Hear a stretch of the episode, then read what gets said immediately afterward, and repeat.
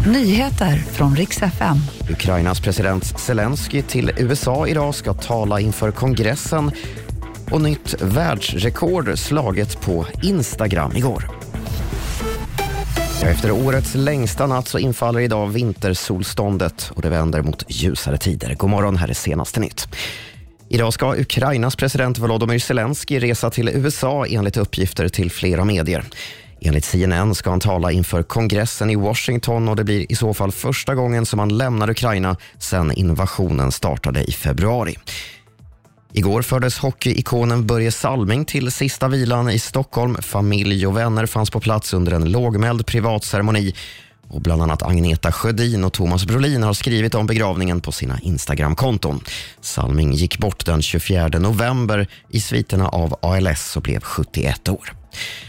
Och så sattes det nytt världsrekord igår för världens mest likade Instagram-inlägg. Det tidigare rekordet hade en bild på ett ägg. Det har likats över 57 miljoner gånger av någon anledning som ingen känner till. Men nu har den argentinske fotbollsstjärnan Messi tagit över tronen.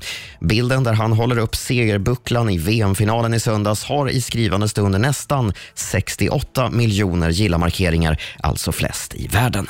Det var de senaste nyheterna och jag heter Robin Kalmegård.